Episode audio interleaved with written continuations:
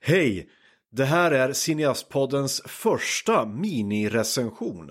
Eh, det är ett nytt segment i podcasten där jag eh, går och ser en film och sen gör en snabb recension av den som bara är då mina, eh, mina första intryck helt enkelt. Vanligtvis så brukar jag eh, helst vilja göra en recension efter att jag har sett filmen två, tre, fyra gånger kanske. Och det har gått lite tid. Men detta är alltså mina första intryck. Jag heter Andreas Barås och jag har just sett The Suicide Squad.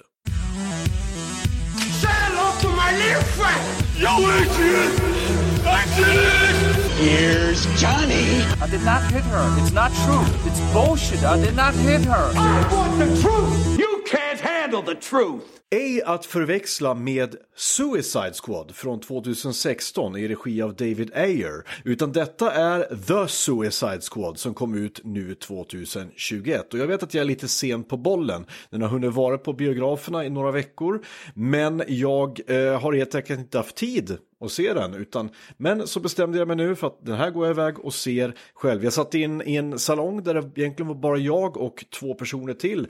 Och det var ganska skönt skönt faktiskt. Eh, den här filmen regisserades av James Gunn. Som ni, ja, framförallt numera är känd för att ha regisserat Guardians of the Galaxy-filmerna. Eh, och i huvudrollerna så ser vi då Margot Robbie Återigen som Harley Quinn. Vi ser Idris Elba som karaktären Bloodsport. John Cena som karaktären Peacemaker. Joel Kinnaman som eh, Rick Flag. Vi ser även Michael Rooker som Savant. Michael Rooker som är mest känd som Yondu i Guardians of the Galaxy-filmerna nu senast. Viola Davis är tillbaka som Amanda Waller. Eh, Nathan Fillion dyker upp i, i, i en roll som eh, heter då, där han heter TDK eller The Detachable Kid. Jai Courtney dyker upp som Captain Boomerang igen och Sylvester Stallone lånar ut sin röst till karaktären King Shark. Ja, vad kan jag säga om den här filmen? Ja, det handlar ju då om, precis som eh, den förra filmen gjorde, Suicide Squad från 2016, eh, om eh, DC-universumets bädaste av de bäda, alltså skurkar som sitter i fängelse men får chansen att eh, eh, gå ut på ett topphemligt uppdrag för regeringens räkning eh, mot att de får eh, tio år avskalat från sitt fängelsestraff. Deras motprestation är att de får en bomb implanterad i sin nacke och om de missköter sig, deserterar eller på annat sätt gör Amanda Waller eh, förbannad så sprängs deras huvuden. Helt enkelt. Eh, och ja, det är precis vad den här filmen handlar om, återigen. Eh, de ska återigen samla ihop ett gäng eh, miserabla karaktärer. Eh, ja, miserabla karaktärer i det fallet att de här eh, ska då föreställa skurkar eller så kallade antihjältar. Och de ska ge sig ut på ett topphemligt uppdrag och eh, göra något dirty work åt regeringen.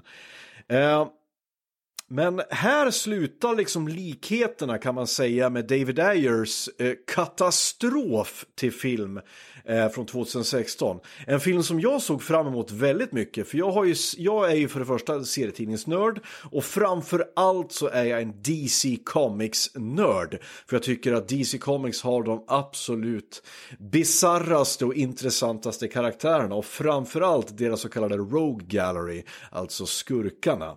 Eh, det har släpps två animerade filmer bland annat, som, eh, en som heter Ar eh, Assault on Arkham och en film som heter eh, Hell to Pay som handlar om då, ja, skurkar som måste göra uppdrag åt regeringen. Eh, de är intressanta, det är intressanta karaktärer och intressant handling och sköna twister. Det är filmer som, eh, som jag, jag gillar, jag har sett ett par gånger nu. Och det gjorde att jag såg fram emot 2016 års Suicide Squad väldigt mycket. Men är så besviken jag blev när den var så jävla dålig. Eh, det var inte ens en film, det var som en ja, glorified musikvideo där de bara i princip hade använt, liksom, skulle vara så coola som möjligt, använda så mycket coola klipp som möjligt och, och, och bara leka med bildspråk och sådär. Men om det inte finns någon substans under allt det där så blir det bara in, ointressant, då blir man bara trött. Den här filmen dock, eh, från i år av James Gunn, har lärt sig lä sin läxa från liksom historien. Eh, James Gunn använder naturligtvis våld en masse i sitt bildspråk. Den är så fruktansvärt våldsam den här filmen. Den är våldsam på samma sätt som filmen Deadpool är. Eh, det, är att, det är realistiskt våld men samtidigt är det är ett over the top våld som gör att man blir man blir lite avtrubbad efter ett tag man tittar på den därför att folk dör på de allra mest brutala sätt och det är liksom inte, det görs inte liksom bara med komisk effekt utan många skriker i ren dödsångest som gör att det känns lite otäckt. Men jag kommer på mig själv att jag fnissar ganska ofta och ett par gånger så satt jag och skrattade rakt ut eh, i, till den här filmen liksom. åt och det här är inte saker som händer ofta. Jag brukar säga det att jag brukar ha problem när jag tittar på en film själv. Att jag, att jag skrattar. Men här gjorde jag det, jag skrattade alltså för mig själv. Eh, James Gunn använder naturligtvis sitt briljanta bildspråk här. Och han, han är väldigt, experimenterar väldigt mycket med så här title sequences, alltså när kapitelbyten och sånt i filmen.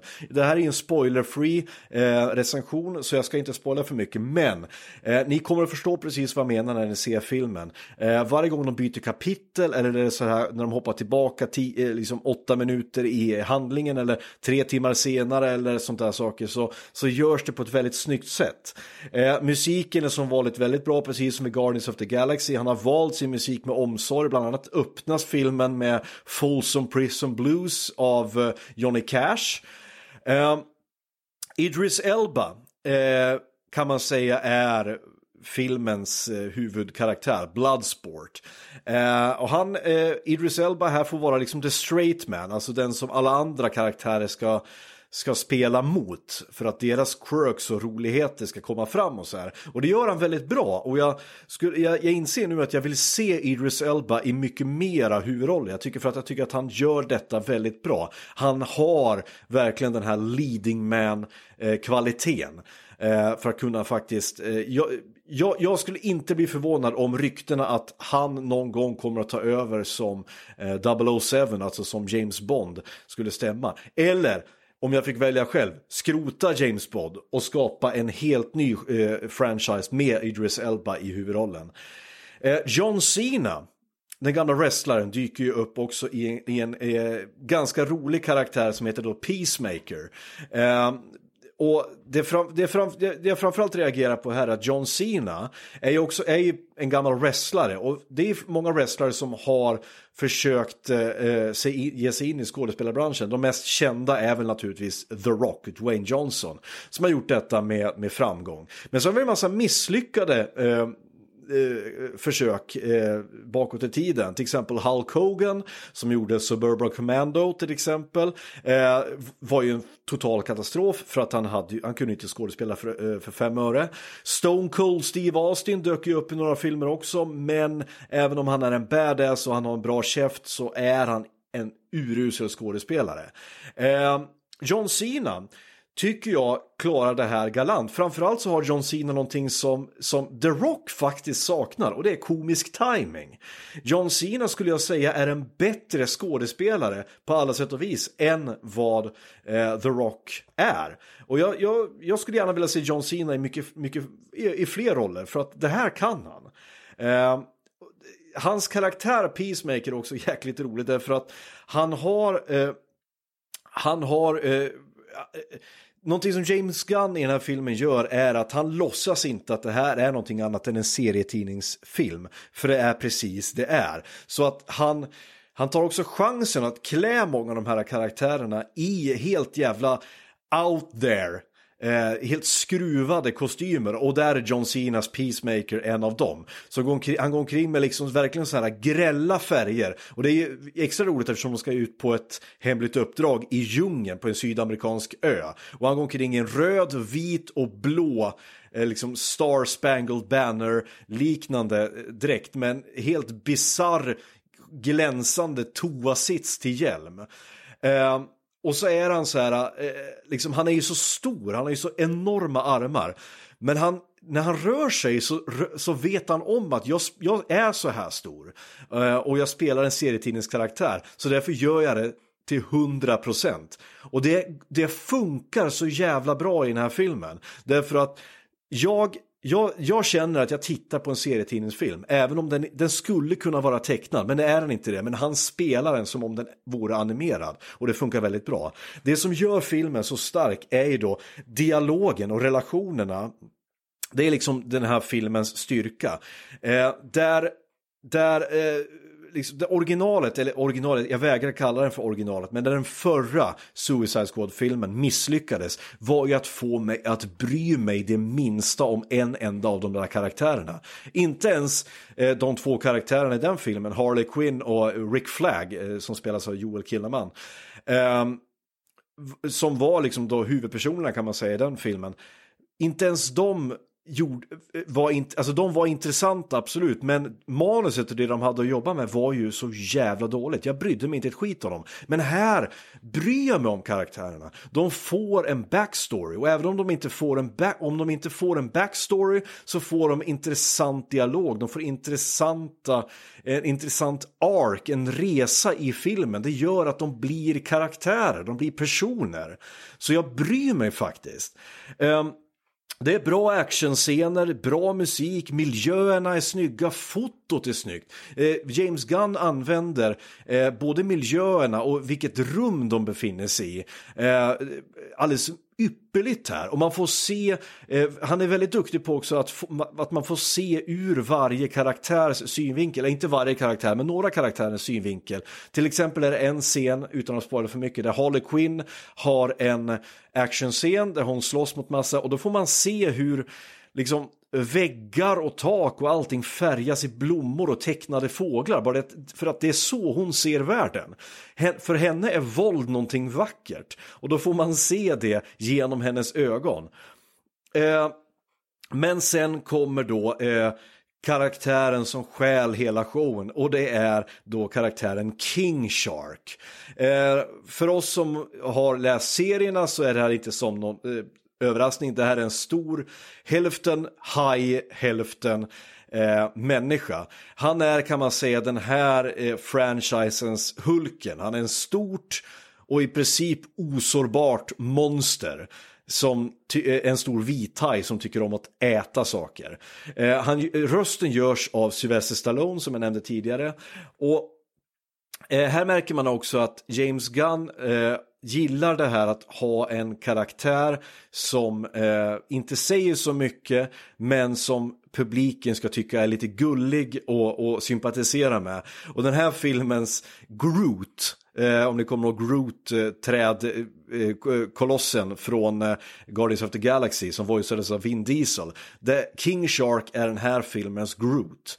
Eh, han är en stor vithajs mutantmonster som är hungrig hela tiden och, och, och, äter allt han ser i princip, bokstavligen. Eh, men han är samtidigt jättegullig. Han är som en liten hundvalp. Och jag trodde aldrig att jag skulle säga det här, men jag Eh, att jag tyckte att en vit haj är gullig. Men eh, för att jag har precis sett om Steven Spielbergs Jaws med min dotter och där den hajen är fruktansvärt eh, eh skrämmande. Men King Shark får mig att omvärdera vithajar. När man ser hans gulliga oskyldiga små ögon kombinerat med hans enorma gap på hans eh, stora tänder och när han sliter folk i stycken och, och stuggar i sig eh, folk eh, till höger och vänster. Jag vet inte, det är han jag hejar på, det är han jag vill det ska gå bra för och därför vill jag by proxy, alltså by default att det ska gå bra för alla andra också. Därför att jag vill att King Shark ska komma vinnande ur den här striden. Det finns en annan eh, karaktär i den här filmen också som heter Polka Dot Man. Eh, och han är så jävla bizarr. Han har Alltså jag, jag, kan, jag kan inte beskriva för mycket om honom förutom, utan att spoila. Men man, redan när du ser honom så undrar du vad fan gör han i den här gruppen? Eh, och visst, han visar sig att han har superkrafter, eller vad fan det nu han har. Eh, men han är så jävla bizarr. Allting med honom är som att han är en skämtkaraktär. Men konstigt nog så lyckas James Gunn ge honom ett djup också som gör att jag faktiskt sympatiserar med honom. Och det, det, jag blev förvånad över mig själv och hur mycket jag bryr mig om, eh, som jag nämnde tidigare, om de här karaktärerna och vill att det ska gå bra för dem. Och om det är någon karaktär som skadar sig eller det går illa för, då, då, då känner jag att nej, fan, jag vill att varenda en skulle klara sig av de här. Och jag tänker, jag ska, jag ska inte spoila för mycket, jag, alltså jag ska inte spoila någonting överhuvudtaget. Men om du, om du ser den här filmen och inte känner någonting när filmen är klar. Så, så, så vet jag inte var, liksom, då har du fan inget hjärta. Eh, den här filmen eh, kan jag rekommendera till alla, framförallt till serietidningsälskare som jag. Eh, ni har ju säkert sett trailers av den här filmen. Eh, det är en gigantiskt monster som är slutstriden, eh, slutskurken i den här filmen. Eh, och eh, ja, jag kan säga det nu, spoiler alert för er som inte har sett trailern, ni kan stänga av nu eller spola fram några minuter. Eh, skurken heter då Starro. Och Starro är en jättestor intergalaktisk sjöstjärna eh, vars kraft är att skicka, han skicka ut små, små sjöstjärnor som sätter fast sig i ansiktet på folk och hjärntvättar dem så blir de en förlängning av honom. Och för er som kan er serietidningshistoria så är ju det här eh, den första gången som Justice League bildas. Det är det första numret av Justice League så är det när de möter då eh, Starro. Det är första gången som världens mäktigaste hjältar måste gå samman och samarbeta för att ta ner det här intergalaktiska jättehotet slutet. Eh, och det var lite kul. Det var en kul callback. Jag satt faktiskt och väntade på att eh, när som helst eh, dyker Su eh, Superman och Green Lantern och Batman allihopa upp. Eh, och jag tänker inte spoila om de gör det eller inte. Det får ni se för att se filmen. Eh, den här filmen, jag, det kanske ni redan har räknat ut, jag tyckte om den jättemycket. Jag kan rekommendera den till alla, framför allt ni som gillar, eh, som gillar våldsamma filmer eh, med rolig dialog och som får er att liksom fnissa rakt ut. Eh, den får av mig 7 av 10 i betyg. Eh, det är inte ett mästerverk, men eh, det är inte den bästa superhjältefilmen som någonsin har gjorts. Det är inte den djupaste superhjältefilmen som någonsin har gjorts. Det är inte den roligaste heller. Men det är ett friskhetstecken från DC Comics och framförallt från Warner Brothers som äger DC Comics eh, rättigheterna till alla filmer där. Att fortsätt så här. Och för fan, fortsätt ge James Gunn eh, jobb. Det här har varit eh, Cineast-poddens minirecensioner. Eh, det kommer bli fler av de här. Jag kommer att försöka se åtminstone en, två filmer i månaden och eh, ge en liten recension.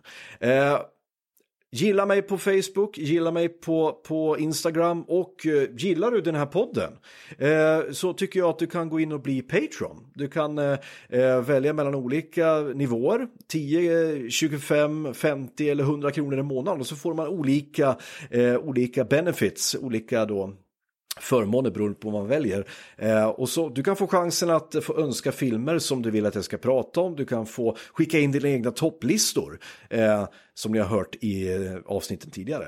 Eller du kan, och du kommer naturligtvis få en, en, eh, en tackfilm från mig där jag tackar er. Tack så mycket för att ni har lyssnat. Vi hörs snart igen. Hej då! Say hello to my little friend! Yo, Here's Johnny. I did not hit her. It's not true. It's bullshit. I did not hit her. I want the truth. You can't handle the truth.